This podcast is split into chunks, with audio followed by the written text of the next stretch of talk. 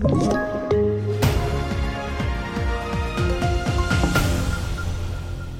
TV4-nyheterna börjar med att ingen person är ännu gripen efter gårdagens skjutning i stadsdelen Hässleholmen i Borås då en 15-årig pojke och en 25-årig man skottskadades. Enligt vittnen ska flera skott ha avlossats och en maskerad man på sparkcykel ska ha lämnat platsen efter skjutningen. Polisen i Region Väst har inlett en så kallad särskild händelse där alla tillgängliga resurser i regionen kan användas om det behövs. Och vi fortsätter med att det kan bli väldigt kallt på ryska ambassaden i vinter om de inte kan betala räkningarna.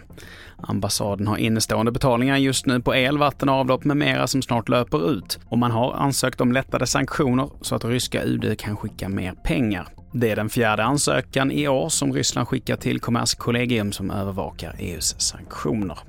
Och till sist, elcykelstölder ökar lavinartat runt om i landet. Det visar ny statistik som TV4 Nyheterna tagit del av. Och värst är det i Region Syd och Nord där det ökat med 86 respektive 82 procent. Ju fler elcyklar det blir, desto fler elcyklar kommer att stjälas. Och det här är ju en utveckling som inte är bra, utan den ser vi ju att den behöver brytas. Och i inslaget här så hörde vi Per Klingvall som är chef för rådgivningen på Stöldskyddsföreningen. Fler nyheter hittar du på tv4.se. Jag heter Mattias Nordgren.